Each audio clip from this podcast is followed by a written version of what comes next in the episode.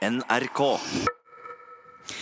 Klokka er 8.16 og vi har samlet ukens fredagspanel her i Kulturnytt, som i dag består av Ingebjørg Sofie Larsen, kulturredaktør i Minerva, Kjell Lars Berge, professor i tekstvitenskap ved Universitetet i Oslo, og Skjalg Fjellheim, politisk redaktør i Nordlys. God morgen til alle tre. Takk.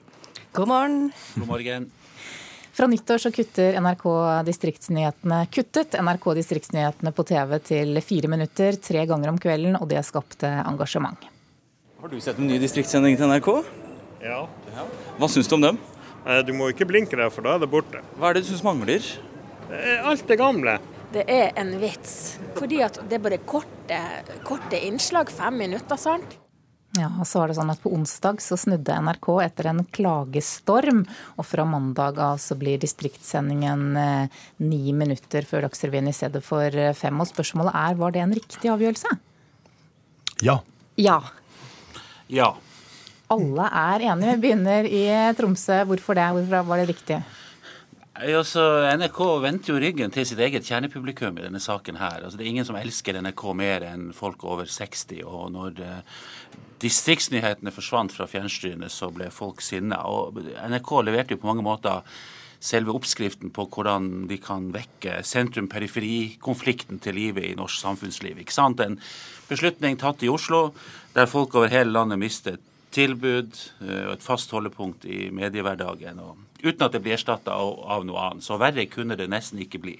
Så jeg tror at dette ble på en måte vi så jo også i kommentarfeltene at dette ble sausa sammen med, med all mulig slags sentralisering og elendighet, med, med utspring i, i hovedstaden. Så NRK trådde virkelig feil her. Så det er ikke overraskende at de snudde. Ja, nei, altså Man glemmer jo av og til, eh, kanskje her i Oslo, da, at eh, Norge er mangfoldig. ikke sant? Vi skriver og snakker ganske ulikt rundt omkring i landet, har ulike interesser, for å si det veldig mildt. Men så er det jo også store forskjeller i Oslo, da. Så Oslo er ikke noe entydig gruppe, det heller. Så, så klart at eh, man skal ta hensyn til folks behov for å vite hva som foregår lokalt. Det syns jeg er selvsagt for NRK. Opplagt at dette måtte komme tilbake, tenker jeg. Men Kringkastingsrådet hadde tidligere i uka talt opp, og totalt hadde det også kommet inn 236 klager på disse endringene. Det var kanskje ikke så veldig mange? Altså jeg, jeg var faktisk litt i tvil om jeg skulle svare på det spørsmålet her, i motsetning til eh, mine panelister, medpanelister. For jeg eh, syns egentlig det var et modig valg av, av NRK. For det er jo tydelig at de har gjort, eh, dere har gjort et eh, grundig researcharbeid eh, på dette her, og Folk konsumerer jo nå innhold på alle mulige flater som ikke er lineært TV. altså Det er jo den retningen utviklingen eh, går. Så jeg syns det er mening å bruke ressursene på distriktskontorene også til eh, disse andre flatene. Men, eh, men jeg tror rett og slett bare at det kom for tidlig. Altså, det er det som skjedde. Det, det er eh, Man er ikke moden for det ennå, og, og jeg tror at eh, Jeg syns absolutt det er riktig å ta hensyn til eh, til den målgruppen som faktisk er en kjernemålgruppe eh, fremdeles. Og det bare for å skyte inn og si en ting. Jeg tror at Dette er også en politisk beslutning i NRK. fordi at Det vi så i denne debatten, var jo også at både TV-seerne over hele landet og politikerne, lokalpolitikere og stortingsrepresentantene fra de ulike fylkene begynte å ytre seg i samme retning. Og, og det er klart at NRK trenger i, en, i dagens medievirkelighet, med, der det blir kamp om mediestøtten i Norge, så trenger NRK politiske venner. Og dette var en sak der NRK fikk veldig mange politiske uvenner. Så jeg tror også at uh, Tor Gjermund Eriksen eh, har gjort en, en, en, strategisk politisk beslutning når han har, har, har snudd uh, her og, og gir folk over hele landet distriktsnyhetene tilbake. Altså jeg synes Det viktigste spørsmålet er at nyheter lokalt er viktige nyheter for folk flest, og den type nyheter skal NRK tilby. da. Så kan man diskutere selvfølgelig hvilke formater og hvilke former man skal gjøre det. Altså klart Folks medievaner utvikler seg i rask takt. da. Det er jo klart. Og selv de som er over 60 er ganske moderne mennesker, for å si det sånn. sånn at det er jo ikke alle som er 80 og sitter og ser på TV uavbrutt på gamlehjemmet.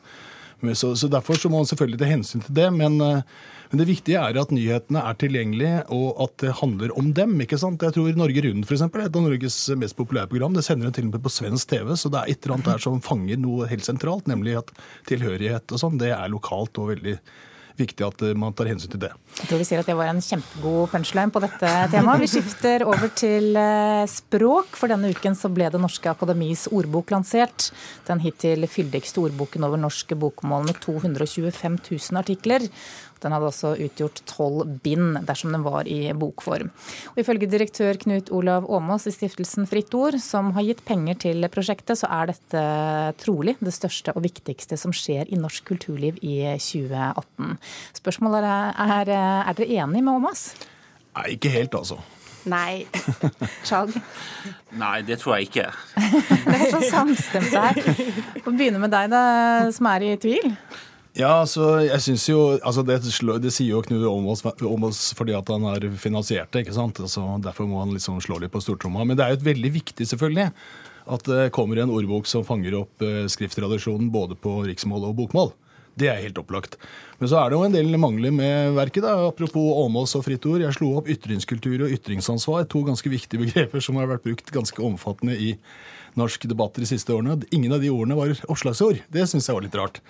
Så jeg lurer litt på om ikke vi trenger å ha en dugnad også i framtida for å styrke kvaliteten på disse ordbøkene. Altså Hvorfor ikke slå dem sammen, den nynorske ordboka og denne ordboka? Mm. Så vi får et felles norsk skriftkulturelt ordbok. Det tror jeg har vært veldig bra. Mm. Helene Uri ber oss jo om å sende inn dersom ja, vi finner ord, eller dersom vi har ord vi syns mangler. Ja, eh, altså det Jeg må si, eh, jeg syns kanskje Knut Olav Åmås gjør det litt eh, lett for seg selv. Da, for vi er fortsatt tidlig i 2018 enda, så det er klart det kan jo det kan jo hende at det skjer eh, flere viktige kulturbegivenheter i løpet av året. Det får vi nesten håpe.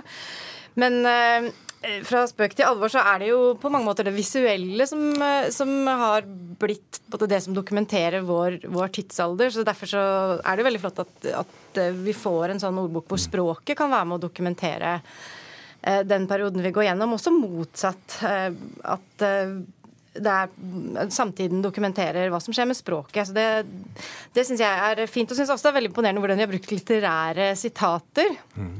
I ordboken, for at uh, av uh, grunner jeg ikke trenger å gå nærmere inn på, så slo jeg på ordet 'snuble' i går.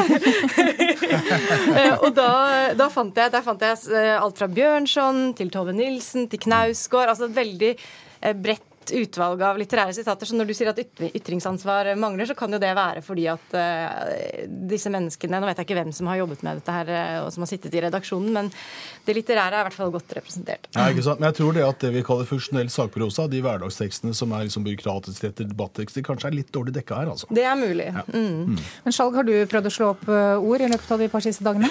det var noen på avisa som gjorde meg oppmerksom på i går at i denne nye ordboka så har vi fått en definisjon av nyordet jeg vet ikke om det er riktig å kalle det et nyord, men i alle fall ordet gokk. Og det er da, og det er da altså eh, eh, Substantivet gokk er da noe provinsielt eller tilbakestående, alternativt Nord-Norge eller nordlendinger. Så det var veldig hyggelig for oss som bor nord i Norge, at, at hedersordet gokk da blir definert som eh, Nord-Norge eller nordlendinger. Det heder altså til oss. For oss som er fra Oslo, vet du, så betyr det nord for Sitsenkrysset. Du er klar over det? Ja, jeg er klar over det. Jeg klar over det. Jeg så også Norsk Målungdom var ute. De mente det var problematisk at uh, slanguttrykk som f.eks. ditche, hooke og adda er skrevet med engelsk eh, skrivemåte. Er det et problem? Ja, ja så det som, som, deskriptiv ordbok så er det ikke noe problem at det er sånn skrives det. Men uh, som normativ ordbok så kan man diskutere det, om man bør forandre på jorda. Men de orda er nok ord som er i omløp nå, og som kanskje har litt sånn, vil, vil bli fort slitt, altså. Mm. Vi skal også snakke om kornsirkler i Fredagspanelet i dag. Tine skriver på skolemelkkartongene faktisk at kornsirkler blir dannet på uforklarlig vis. Dette er også trykket som en faktaopplysning på disse kartongene som blir levert ut til barn på skolene her i landet. Og fysiker Andreas Wahl avviser at det er noe som helst uforklarlig og mystisk med kornsirkler. Det er nok fascinerende ting og ting vi ikke har svaret på i verden og i vitenskapen så vi trenger ikke å gi barn eh, sånne falske, eh, uforklarlige nysgjerrighetsting. Og spørsmålet er eh, er Tines kritikere humørløse? Vi starter i nord. Nei, det syns jeg ikke. Jeg syns at uh, man skal ikke ha fake news på melkepakkene. Og, uh, og det, dette er jo nesten sånn uh, det, det, det, som er jeg syns kanskje det aller merkeligste var når Tine sa um, at uh, dette, dette, vi lar barna lese dette, så lar vi det være opp til barna sjøl å gjøre seg opp en mening om hva dette betyr. altså Det er omtrent som at vi i avisen skulle fortalt leserne våre at uh, julenissen uh, drar ut fra en bygd i Finnmark uh, med, på reinsdyr og slede hver julaften og drar ut i hele Norge og deler ut pakker. Og så sier vi at det er opp til leserne å avgjøre om dette er sant eller ikke. Nei, altså her syns jeg at Tine har, har, gjort noe dumt, og jeg er helt enig i den kritikken at man skal, man skal, man skal Det skal komme faktiske riktige opplysninger til barna som når de leser på melkepakkene. Hva syns dere? Nei, Jeg, jeg synes også det er ugjennomtenkt. i hvert fall. Altså, det er i hvert fall ikke humor. Hvis man hørte på reportasjen fra Tines representant, så var det, han hadde ikke helt tenkt gjennom saken, tror jeg. Og som Val er inne på, så er det jo så mye fascinerende med naturen som kunne vekke barns nysgjerrighet, at hvorfor ikke ta sånne eksempler, da. Det er jo mye spennende, ikke sant. Og det er jo bare å sette i gang. Ja, jeg er ikke helt enig. Jeg håper at lærerne rundt i klasserommene kan ta dette som en oppfordring til Eh, å lære kildekritikk. altså Det er jo noe av det viktigste vi gjør i dag. Og så, jeg, så kjenner jeg også ei som, eh, som eier en kornåker, og hun, hun, eh, fortalte det at eh, Greit at det, dette her er et menneskelig fenomen, at vi vet hvordan de lages, men det er jo likevel noe uforklarlig med dette her. For at man kommer om morgenen, og så plutselig er disse kornkirklene der. Og, og det, det, er jo ikke sånn at eh, folk setter opp et skilt og sier det var jeg som, som, gjorde det. Så det blir jo litt som et sånt fenomen man kan sammenligne med tagging, da kanskje. Mm. Men man bør ikke gå ut og sende ungen ut og lage kornsleikler.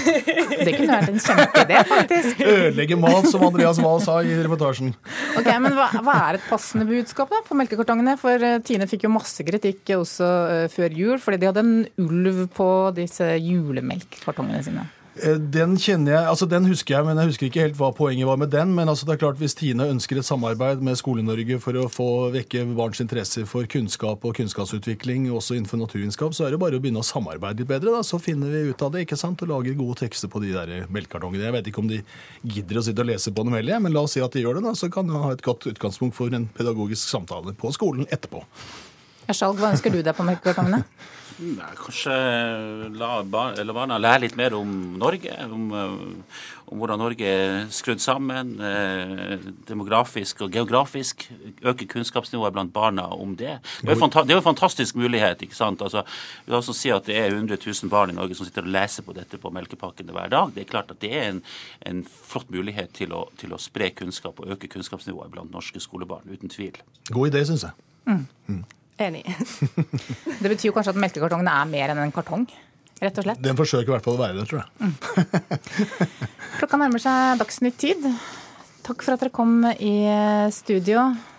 Kjell Lars Berge, som altså er eh, professor i eh, tekstvitenskap ved Universitetet i Oslo. Ingebjørg Sofie Larsen, kulturredaktør i Minerva. Og Skjalg Fjellheim direkte med oss fra Tromsø. Du er politisk redaktør i avisa Nordlys.